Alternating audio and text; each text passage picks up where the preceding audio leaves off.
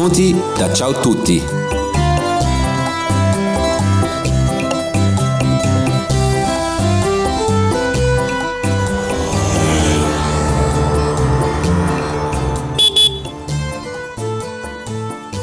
Welkom bij Ciao Tutti's podcast. In deze aflevering zijn we in Milaan, waar een grote diversiteit aan trams door de stad rijdt. De meest opvallende zijn de karakteristieke geel-oranje trams, die al sinds de jaren 30 van de vorige eeuw dienst doen. Inge neemt je mee voor een ritje in een van deze historische trams, maar eerst vertelt ze je meer over de geschiedenis van het openbaar vervoer in Milaan. Piena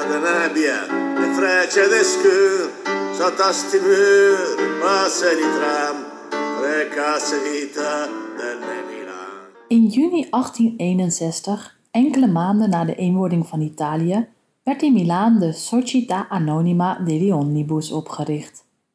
Het was het eerste openbaar vervoersbedrijf dat met drie lijnen vanaf het centrale Piazza del Duomo passagiers naar andere bestemmingen in de stad verplaatste.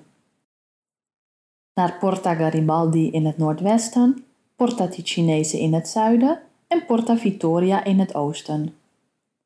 De mezzi bestonden uit een soort koetsen of omnibus die getrokken werden door één paard. Elke omnibus kon acht passagiers vervoeren. Al na enkele jaren werden die uitgebreid naar grotere koetsen, getrokken door twee paarden. En zo konden er 14 tot 16 personen per rit mee. Een kaartje kostte 10 cent en de dienstregeling was zeer regelmatig. Hierdoor hoefde u nooit lang op de volgende omnibus te wachten. Het bleek een succesvol alternatief voor de privékoetsen, die voor vele gewone Milanesi te duur waren. Ruim tien jaar later, in 1876, ging de eerste paardentram rijden. Deze verbond Milaan met Monza, een provinciestad niet ver ten noorden van Milaan. De tram kreeg al snel de bijnaam El Trotapian, Milanees voor Trotapiano, oftewel een traag persoon. Tijdens de eerste rit deed de tram namelijk ruim drie uur over een stuk van nog geen 13 kilometer lang. Enkele jaren later werd er een volgende stap gemaakt en introduceerde men een tram die op stoom werd aangedreven. Ten opzichte van de stoomtreinen die lange afstanden aflegden, bijvoorbeeld tussen Milaan en Turijn of Milaan en Bergamo, hadden deze motoren een beperkte capaciteit en dus snelheid. Maar ze deden hun werk en al snel kon je met een van de 156 Gam de Laine vanuit Milaan naar kleinere steden als Faprio d'Adda, Pavia of Costano reizen. Het was een soort suburbane OV-verbinding. Waar de bijnaam Gam de Laine, houten been, vandaan komt, is niet helemaal zeker. Er doen verschillende verhalen de ronden, maar de meest plausibele is gerelateerd aan het feit dat de trams traag en schokkerig bewogen, zoals een persoon met een houten been. Il 31 agosto 1957, dopo oltre mezzo secolo di onorato servizio, la tranvia a vapore chiamata Gamba di Legno lascia Milano per l'ultimo viaggio.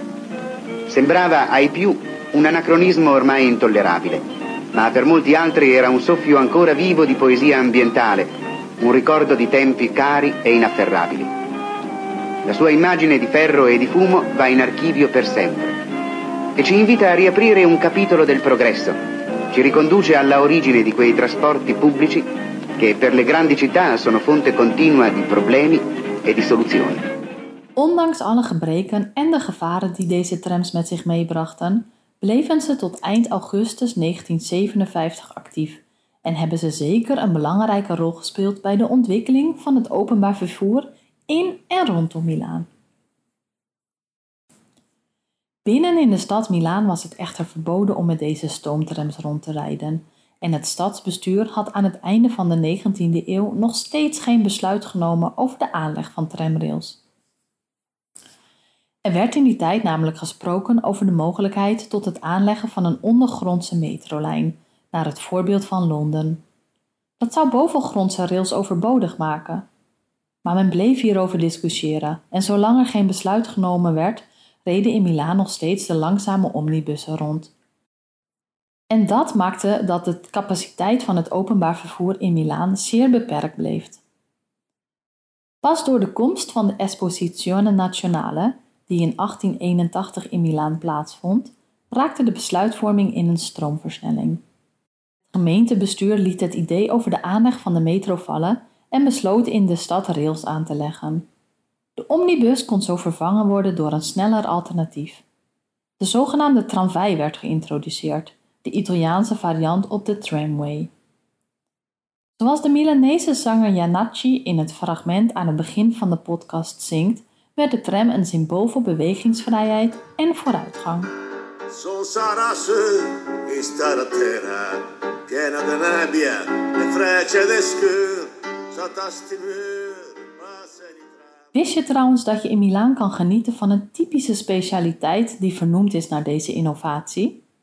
Het gaat om de zogenaamde pane tramway, een brood waarbij per kilo meel 3 kilo rozijnen wordt toegevoegd. In de jaren 50 en 60 van de vorige eeuw werd dit energierijke brood voor een paar lieren verkocht aan de tramhaltes. Het was ideaal om de arbeiders de dag door te helpen. Je vindt dit brood nu nog bij enkele Milanese bakkers. Hoewel de Esposizione Nazionale voor grote vooruitgang zorgde, duurde het nog tot 1893 voordat de eerste tram op elektriciteit door het centro ging rijden. Maar eerst moesten er nog een aantal innovaties worden geïntroduceerd. Professor Giuseppe Colombo, rector van de Politecnico in Milaan, nam hierin het voortouw. Hij was al een aantal jaar aan het experimenteren met een kleine dynamo van het type Edison. Uiteindelijk opende deze professor in 1883 de eerste elektriciteitscentrale van Milaan en daarmee van Europa. Alleen New York was de stad voorgegaan, dus je kunt je voorstellen wat deze innovatie betekende. Op de voormalige locatie in Via Santa Redegonda, naast het warenhuis La Rinascenta, vind je hier nog een herdenkingsbord van terug. In datzelfde jaar kreeg het bedrijf Edison van de gemeente Milaan toestemming om het Piazza del Duomo, de Galleria Vittorio Emanuele il Secondo en het Teatro alla Scala te verlichten met elektrische lampen. Je kunt het je nu bijna niet voorstellen, maar dit was het begin van een enorme vooruitgang van het land, dat nu op een veel veiligere manier verlicht kon worden. In 1893 nam Edison het openbaar vervoersbedrijf in Milaan over. Zij startten in dat jaar met een experimentele tramverbinding tussen Duomo en Arco della Pace. Een rit van 3 kilometer die werd afgelegd met, jawel, een elektrische tram. Dit stuk maakt niet voor niets deel uit van tramlijn 1, waar we later deze podcast nog een stuk mee gaan rijden. Het experiment bleek geslaagd. De capaciteit van het elektriciteitsnetwerk werd uitgebreid en aan het einde van de 19e eeuw had Milaan weer een primeur. Als een van de eerste steden van Europa was het tramnetwerk volledig elektrisch. Il 31, inteso come tram, è già passato. Di 28 non ce n'è più. Mi tocca andare a casa a piedi, Lina! E mi fanno male i piedi! E il 31 è già passato. De 28 che ne è già più. Me tocca andare a capire! E mi succhi che cammini avanti in tre. Me fa male i piedi, me fa male i piedi, Lina! E mi succhi che cammini avanti in tre. Me fa male i piedi, me fa male i piedi, Lina! We maken een sprong van een kwart eeuw verder in de tijd en belanden in 1917. De gemeente Milaan besluit de concessie aan Edison niet te verlengen en neemt de service van het publieke transport in eigen handen. Dit leidt uiteindelijk tot het oprichten van de Azienda Trasporti Milanesi, beter bekend als ATM. In 1927 kwam er ook een belangrijke innovatie uit de Verenigde Staten. Een nieuw model tram, ook wel Vetture Modello 1928 genoemd, vanwege hun bouwjaar voor de Milanese markt. Deze tram, kort genoemd de Ventotto, zorgde voor een flinke vooruitgang van het openbaar vervoer in de stad. De Amerikaanse ingenieur Peter Witt had een elektrische tram ontworpen waarbij de wielen zich onafhankelijk van de wagon konden bewegen. En daarmee kwam er letterlijk meer bewegingsvrijheid voor de trams. Giannazzi refereert in zijn liedje La Luna è una lampadina aan deze tram. Hij heeft de laatste tram gemist en moet te voet naar huis, maar zijn voeten doen zo'n zeer. Je hoorde het couplet zowel in het Italiaans als in het Milanese dialect. Voor in de tram zat El Manetta, de trambestuurder, die vernoemd werd naar het handvat of manetta, waarmee de bestuurder de tram kon laten rijden en de snelheid bepalen. Dit werkt nu nog steeds op dezelfde manier als toen. Het voorste gedeelte van de tram was bedoeld voor degenen die een korte rit maakten. Deze reizigers bleven hier staan of namen plaats op de lange houten banken die dwars op de rijrichting stonden. Vlak voor het uitstappen liep men langs de kaartverkoper die halverwege de wagon zat en betaalde voor de duur van de rit. Wie een langere rit moest maken, liep na het instappen direct door naar achteren. Hier waren in de oorspronkelijke uitvoering van de Ventotto iets comfortabelere zitplekken, geplaatst in de rijrichting. In eerste instantie hadden de toch al kleine trams helemaal achterin ook nog een aparte rookruimte, maar deze werden vanwege het ruimtegebrek, veroorzaakt door de populariteit van de trams, snel opgeheven. De Ventotto had in de eerste uitvoering twee deuren. De voorste functioneerde als ingang, de achterste als uitgang. Dit maakte het in- en uitstappen efficiënter, aangezien de reizigers zich in één richting door de tram bewogen. Erg fijn in een stad als Milaan, waar de regel tijd is geld ook toen al opging. Vanaf 1931 werd er zelfs nog een derde deur halverwege de tram toegevoegd om de passagiersstroom verder te reguleren. De modellen die bedoeld waren voor de Milanese markt werden geproduceerd door zes verschillende Italiaanse bedrijven, zodat in drie jaar tijd 500 trams geleverd konden worden. De Ventotto-modellen kun je herkennen aan het serienummer dat voorop iedere tram staat. Het zijn dus geen jaartallen die je daar vindt. De nummering start bij 1500 en gaat tot en met 2002. De eerste twee, nummer 1501 en 1502, waren prototypes. De definitieve versies volgden in de jaren erna. Zo maakte het Milanese bedrijf Carminati en Toselli tram 1503 tot en met 1612. La Società Italiana Ernesto Breda produceerde nummer 1613 tot en met 1722.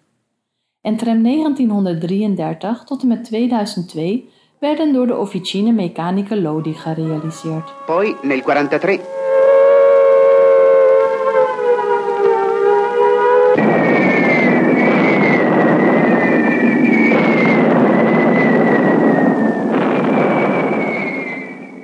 Tijdens de Tweede Wereldoorlog raakte Milaan zwaar beschadigd door de bombardementen van de geallieerden, die hoopten daarmee Mussolini van zijn macht te ontdoen.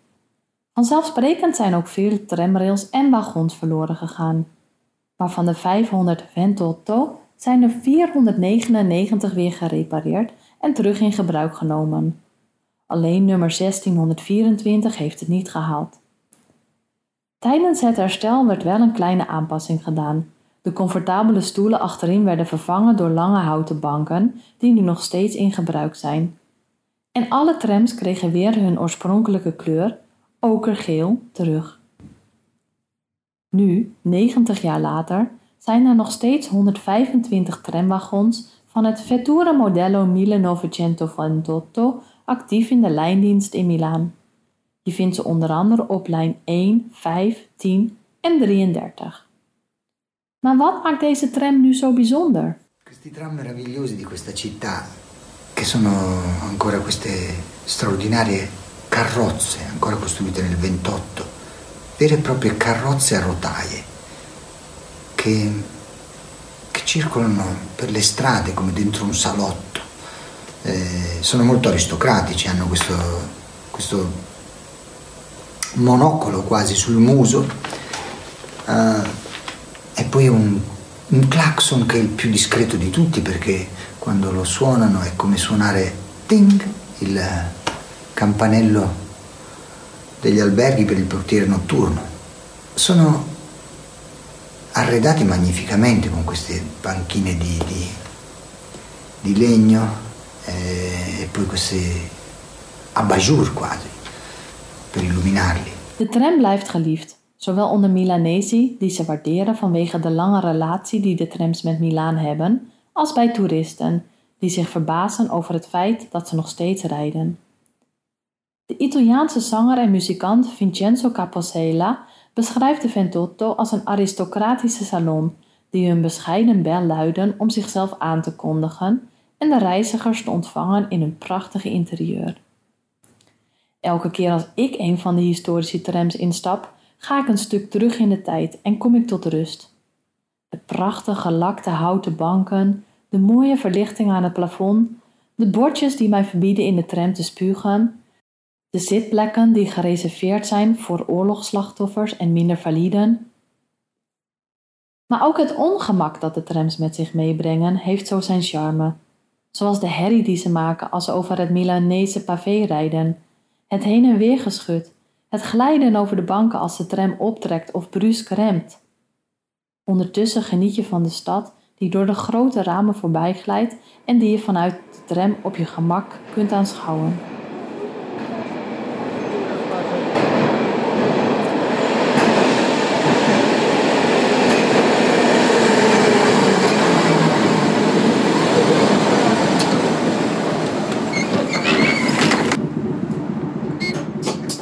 Wil je zelf een ritje maken met deze tram? Dan is het zeker de moeite waard om tram 1 te nemen. Het is een lijndienst en je kunt deze rit dus gewoon doen met een OV-ticket. Zo heb je voor nog geen 2 euro een unieke ervaring die ook tijdens een stedentrip met kinderen in de smaak valt. Rij je een stuk met mij mee? We stappen op in de buurt van Stazione Centrale. Het tweede station van Italië, gebouwd in dezelfde periode als de Ventotto in de tijd dat de fascisten aan de macht waren. En dat is te zien aan de architectuur. Hier kom je misschien aan als je per trein naar Milaan reist of vanuit Milaan de omgeving of andere delen van het land gaat ontdekken.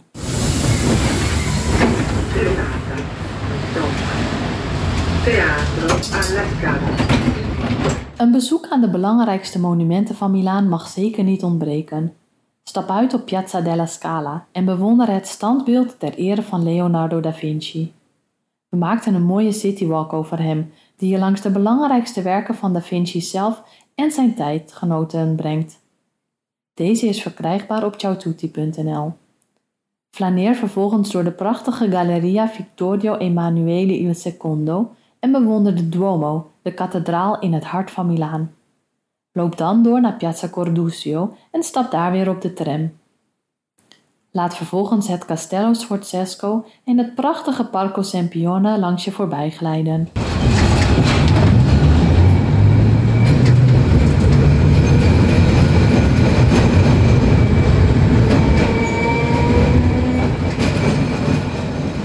De Arco della Pace werd onder Napoleon Bonaparte als Arco della Vittoria gebouwd. Voor hem was dit het startpunt voor de weg naar Parijs, het centrum van zijn gedroomde rijk. Aan het begin van de 20e eeuw was dit punt het begin van de vooruitgang op het gebied van mobiliteit, dankzij de opening van de spoortunnel die een treinverbinding tussen Milaan en Parijs mogelijk maakte. Stap hieruit en loop door het Parco Sempione terug richting het centrum, of rijd nog een stukje verder tot aan de halte Domodossola en bewonder de moderne architectuur in citylife. Je kunt ook kiezen voor een van de bijzondere trams, zoals de Atmosfera, een rijtuig dat is ingericht als restaurant en waar je al etende het verlichte Milaan aan je voorbij ziet glijden. Of bezoek de termen van Milaan en neem een sauna in de enige tram die nog is overgebleven in deze voormalige tramremise. Wil je meer weten over deze trams en over de bezienswaardigheden in Milaan? Ik neem je graag mee op een tour door de stad. Meer informatie vind je op milaanmetloco.com.